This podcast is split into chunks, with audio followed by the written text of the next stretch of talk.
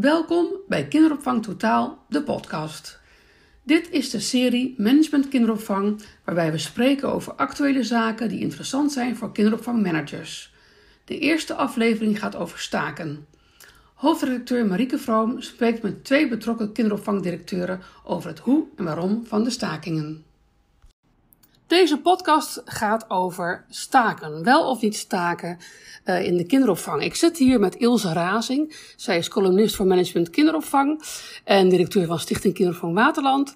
En uh, Stefanie Verrijp van Kivido. En zij is ook uh, bestuurslid van de brancheorganisatie Kinderopvang, maar spreekt hier op persoonlijke titel. En Stefanie, vertel eens, um, wat, wat, vind jij, de stakingen, dus morgen is er een actiedag. Wat vind jij van, uh, van de stakingen? Is dat, is dat terecht of, of is het onterecht dat uh, pedagogische medewerkers gaan staken?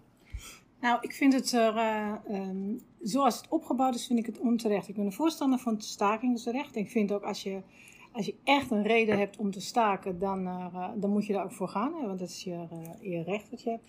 Maar in deze vind ik dat de staking niet nodig is, want er ligt gewoon een eindbod en dat is aantrekkelijk. En er zijn toezeggingen gedaan vanuit de werkgevers. Um, om maar een voorbeeld te noemen, FNW wil 5% loonsverhoging, de werkgevers geven 3,5%. En wij hebben het heel veel over de werkdruk. En werkdruk is een, een, een dingetje wat moeilijk vatbaar is. Het zit veel in hoofden van mensen.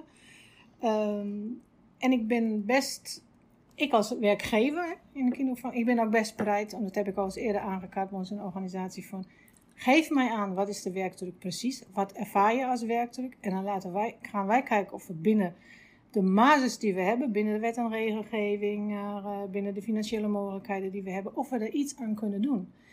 Uh, maar gek genoeg uh, komt er in de beschrijving weinig uit.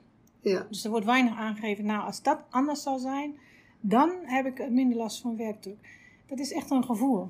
En ik weet niet of je of je met een staking een gevoel wegneemt. Voel je dan beter als je 5% uh, loonsverhoging krijgt in plaats van 3,5%? Heb je dan uh, minder last van werkdruk? Want uh, ik denk dat je eerder kan spreken van hulp als, als in groepshulp, als het salaris lager blijft. Dan blijft er ook meer over voor dit soort aanvullende zaken. Heb je enig idee hoe binnen jouw organisatie de, de stakingsbereidheid is? Nou, ik durf het nooit met 100% te zeggen, want je kan niet altijd uh, uh, voor iedereen spreken. Maar we werken met 107 medewerkers. En uh, ik heb er een mail uitgestuurd, maar ik, heb er, ik denk dat de stakingsbereidheid bij ons in ieder geval niet heel is. Nou. En wij hebben twee medewerkers die zijn lid van de vakbond. Die zullen wel zeg maar enigszins gestuurd worden door de vakbond. Maar voor de rest, iedereen is daar, heeft wel zoiets van, we gaan het niet doen. En zeker omdat de timing heel erg beroerd is om diverse redenen. Vanwege corona onder andere. Ja, vanwege corona. Ouders hebben al zo lang geen gebruik kunnen maken van de kinderopvang. Uh, wij hebben nog steeds te maken met quarantaines. Er zijn nog steeds medewerkers ziek. Dus er is, al een, uh, er is ook al een grote druk op collega's onder elkaar. Dus als er nu nog een hele hoop gaan staken, die druk wordt alleen maar groter. Want we kunnen niet onze uh, deuren sluiten. Nee. En heb jij een, een indruk van ehm, je zegt binnen jouw organisatie lijkt er heel weinig stakingsbereidheid te zijn. Heb je enig idee van waarom het bij andere organisaties meer zou zijn? Want ik, we hebben een poll gedaan bij Kinderopvang Totaal. En daar blijkt het ongeveer zeg maar, tussen de 10 en 20 procent van de pedagogisch medewerkers bereid is om te gaan staken. Zou dat aan een type organisatie kunnen liggen, denk je? Dat denk ik wel. Ik denk dat uh, grote organisaties met uh, heel veel locaties, met een, uh, zeg maar een directie die heel ver afstaat, die, die wijn, waar, ze, ze werken voor een organisatie, dus nooit voor hun groep. Ik denk dat daar wellicht minder begrip is en meer stakingsbereidheid. Dat kan ik me wel zo voorstellen. Ja. Waar het eigenlijk een beetje uh, strakker georganiseerd is. Laten we het daar maar op houden. Ja, en grotere afstand tot het management ook waarschijnlijk. Ja. Ja. ja. En hoe zit dat bij jou, Ilse Razing? Want je hebt een, wat, ook een kleinere organisatie. Uh, heb jij enig idee hoe de stakingsbereid is bij jouw uh, medewerkers? Nou, we zijn het ook wel aan het inventariseren. Uh, in eerste instantie riep ik gelijk van, nou, volgens mij hebben we helemaal geen mensen die dat gaan doen. Uh, ik, uh, net wat je zegt, hè, we zijn een middelgrote tot kleine organisatie. Ik loop over de werkvloer, ik ken de mensen, ik pols het. Ik heb vandaag nog met een aantal medewerkers gesproken. Um, ik denk niet dat het heel erg leeft, maar goed, ik, ik kan niet iedereen persoonlijk gaan vragen wat ga je doen en dat zou ik ook niet terecht vinden. Dus, maar ik verwacht dat het heel is wat er aan, bij ons aan medewerkers een bereidheid heeft om tot uh, staking over te gaan. En jij staat ook bekend bij je, bij je columns dat je heel erg betrokken bent bij, bij het personeel, dat je heel veel doet voor je, voor je medewerkers. Denk je dat het inderdaad ook invloed heeft op de stakingsbereidheid? Ja, dat, dat denk ik wel. Al heb je natuurlijk, kijk, de medewerkers die bij ons werken, daar zijn er ook heel veel die gewoon 30 jaar al bij de organisatie werken. Die kennen ook niet anders. Dus op het moment dat er wel is iemand een uitstapje maakt omdat hij elders is gaan wonen, dan, dan kunnen ze pas ervaren van hoe het bij een andere organisatie is. En uh, ik wil zeker niet zeggen dat wij de, de, de beste organisatie zijn wat betreft hoe je met personeel omgaat. Zeker niet. Maar het is wel zo, wij kennen onze mensen gewoon. We weten wat er leeft, we weten wat er speelt. En als iemand bij ons komt van ja, die, die groep is zo druk, dan komen ze ook bij mij. Ze komen niet bij een manager. Nee, ze komen naar mij. Kloppen op mijn deur van Ilse, ik moet er even over hebben, want die groep is veel te druk. Dan zoeken we samen een oplossing. Wij hebben geen jaarsystematiek. Wij hebben niet een roosterdag die je nog extra moet gaan werken. En volgens mij heeft dat ook gewoon te maken met goed werkgeverschap. En bij grotere organisaties zullen er heel veel het hartstikke goed voor elkaar hebben. Maar net wat jullie ook al noemen, de afstand is groter. En ik denk dat dat ook de reden is waarom dingen vastgelegd moeten worden in een CAO. bij ons, ik, ik probeer altijd te kijken van hoe kunnen we nou het mooiste eruit halen? Als, als er in de CAO staat, je hebt recht op een vrije dag wanneer je opa is overleden. Uh, dan, dan kan het een opa zijn waar je al 30 jaar niet naartoe gaat. Maar als er toevallig een vriendin is waar je heel erg close mee bent, dan staat er niet in de CAO dat je daar een vrije dag voor mag nemen. Nou, als je mensen kent, dan zeg je, joh, jij gaat lekker naar die vriendin toe. En, en dat is een beetje de cultuur binnen een organisatie. En ja, daar varen wij wel bij. Ja, precies. Uh, Stephanie, wat vind je van de rol van de vakbond in dit hele verhaal? Ik vind uh, um, de vakbond in. Het lijkt een beetje op stemmingmakerij, als ik het eh, eerlijk mag zeggen. Ik heb de berichten gelezen van Kinderopvang Totaal op Facebook. Ik heb de reacties gelezen van haar medewerkers, pedagogische medewerkers.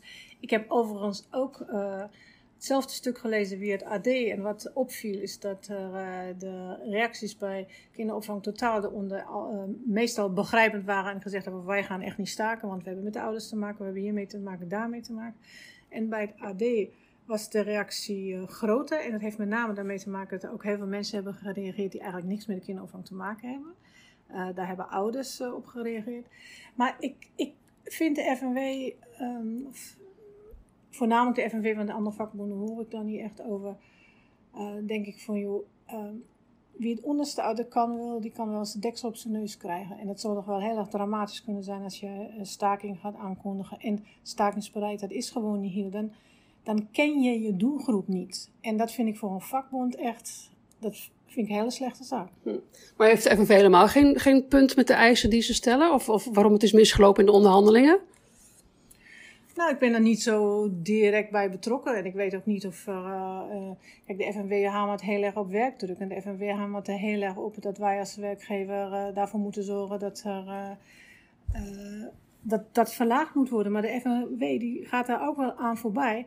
Dat heel veel werkdruk komt door wettelijke maatregelen. En die vinden wij ook niet leuk. En daar, daar snappen we best dat mensen daar last van hebben. Al is het alleen maar omdat er eh, een zwaard van Damocles over hun hoofd eh, hangt, omdat ze zich aan alle mogelijke regels moeten houden. Aan de drie-uursregeling. Kijk maar wat dat met je medewerkers gedaan hebben. Dat je een stuk vrijheid van ze hebt weggenomen om de dag zo in te delen zoals ze dat zelf wilden. Ehm, en ik denk dat wat eigenlijk beoogd was met het, uh, met het IKK, dat is een doel volkomen voorbijgeschoten. Dat neemt iedere eigen initiatief weg van mensen. En als je dat doet, dan, dan uh, kom je ook een beetje aan het welbevinden van mensen. En dan heb je het ook een beetje, dan ervaar je werken als druk.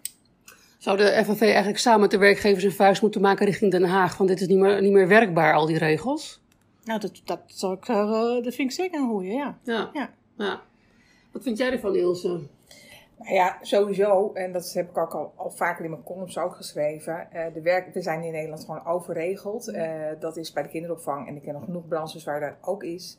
En dat vind ik een hele kwalijke zaak. Ik bedoel, ik werk 39 jaar binnen, binnen de kinderopvang, zelfs binnen mijn eigen organisatie.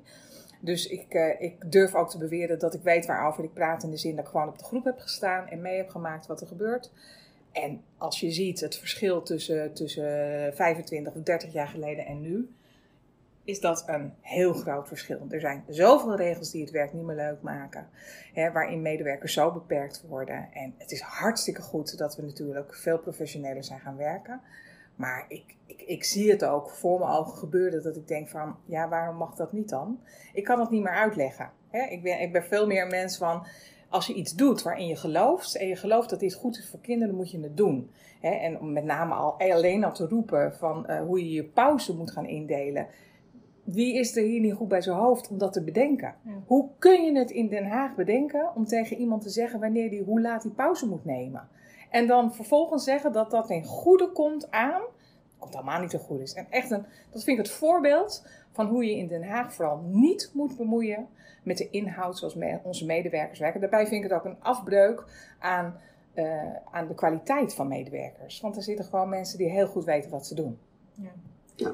En het doet ook afbreuk, denk ik, als je afbreuk doet aan het welbevinden van de medewerkers die werken in de kinderopvang, dan doe je ook afbreuk aan het welbevinden van de kinderen. Ja. Want onherroepelijk of de medewerkers het willen of niet, als die niet goed in hun vel zitten door al die regels waar ze zich aan vast moeten, of waar ze zich aan moeten houden. En waarvan, wat jij zegt, Ilse, is gewoon, ze weten donders goed wat ze doen. Want ze doen het werk echt met passie, ze hebben erover nagedacht. En uh, als je daar een keer aan begint, dan kom je eigenlijk haast niet meer uit de kinderopvang, omdat het zo mooi werk is. En uh, dan, is, dan, dan wil je een kwaliteitsslag slaan, die eigenlijk alleen maar aan averechts, niet alleen maar, maar die ten grootste deel aan averechts uh, werkt. Ja.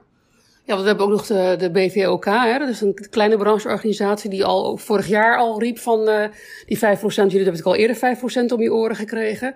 Dat, gaan ze niet, dat gaan de kleine organisaties die niet, niet redden, die gaan allemaal omvallen. Nou, dat is volgens mij niet in grote mate gebeurd.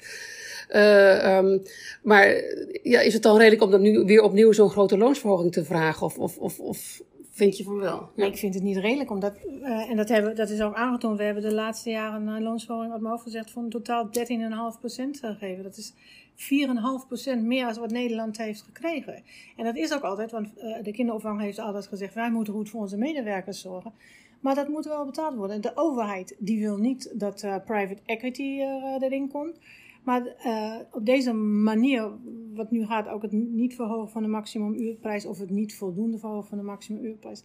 Eigenlijk ook weinig luisteren wat er echt gebeurt. En dan nog een vakbond die precies het tegenovergestelde uh, doet. Dus wij verhogen aan ene kant de kosten enorm. En we kunnen het eigenlijk niet, niet meer kwijt zonder dat de kosten voor ouders veel hoger worden. En eigenlijk die toegankelijkheid voor de kinderopvang verdwijnt. Uh, en daar vallen dan kleine om. En wat krijg je dan? Dan krijg je consolidatie. En ik denk juist dat de kwaliteit in de kinderopvang ligt bij die organisaties, die kleine en de middelgrote organisaties, waar mensen met hart en ziel werken. Waar directeuren en eigenaren of stichtingsdirecteuren kunnen worden aangesproken op een manier van werken. Vaak innovatief zijn. Vaak innovatief zijn. Ook omdat wij heel veel concurrentie hebben. Dus we willen wel allemaal. En, en over nadenken wat ze doen. En, en dus ik denk dat moet je koesteren. En dan moet je niet met dit soort maatregelen voor zorgen dat het wegvalt. Nee. Mag ik concluderen na dit gesprek dat jullie eigenlijk allebei zeggen van de FNV strijdt tegen de verkeerde partij en jullie moeten samen optrekken richting Den Haag? Nou, de FNV is op zich een werknemersvereniging. Dus uh, die moet strijden voor de werknemers. Maar dan moeten ze wel weten wat de werknemers echt willen. Dat vraag ik me af of het nu het geval is. Ja.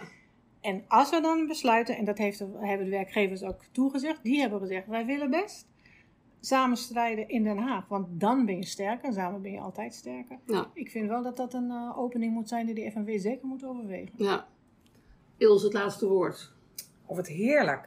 Nee, nee ik, ik, ik geloof niet in hetgene wat nu gebeurt. En ik denk ook niet dat dit de weg is om uh, te betreden. Dus ik, denk ook dat je misschien op een andere manier een vuist kunt maken om te zorgen dat regelgeving gewoon aangepast wordt. Maar ik vind dat wel een gigantische uitdaging. Want ik heb in de afgelopen, nou laten we zeggen 15, 20 jaar, heb je er alleen maar regeltjes bij zien komen. En is het echt niet veranderd en verbeterd. Maar, um, en of we dat voor elkaar krijgen om. om om dat ook om zeep te helpen, of in ieder geval om te beperken, dat weet ik niet. Maar ik zeg altijd, als je binnen een organisatie werkzaam bent en je hebt ook daar een, een management die gelooft in hetgene wat je doet, dan maak je met elkaar de regels. En dat mag natuurlijk nooit in strijd zijn tegen arbeidsrecht of wat dan ook. Maar ik bedoel, we hoeven niet alles gewoon heel braaf en heel klakkeloos aan te nemen. Je bent met elkaar verantwoordelijk voor zo'n organisatie. Het hele team is daar verantwoordelijk voor, inclusief je management. En dan maak je er het beste van. En volgens mij is dat de manier om een organisatie te runnen. Dank jullie wel voor, uh, voor de bijdrage aan deze podcast. Graag gedaan. Graag gedaan. Dit was de eerste aflevering van de podcast Management Kinderopvang binnen Kinderopvang Totaal, de podcast. Vond je het leuk en wil je abonneren? Ga dan naar SoundCloud of naar iTunes en abonneer je op ons kanaal. En laat ook een waardering achter.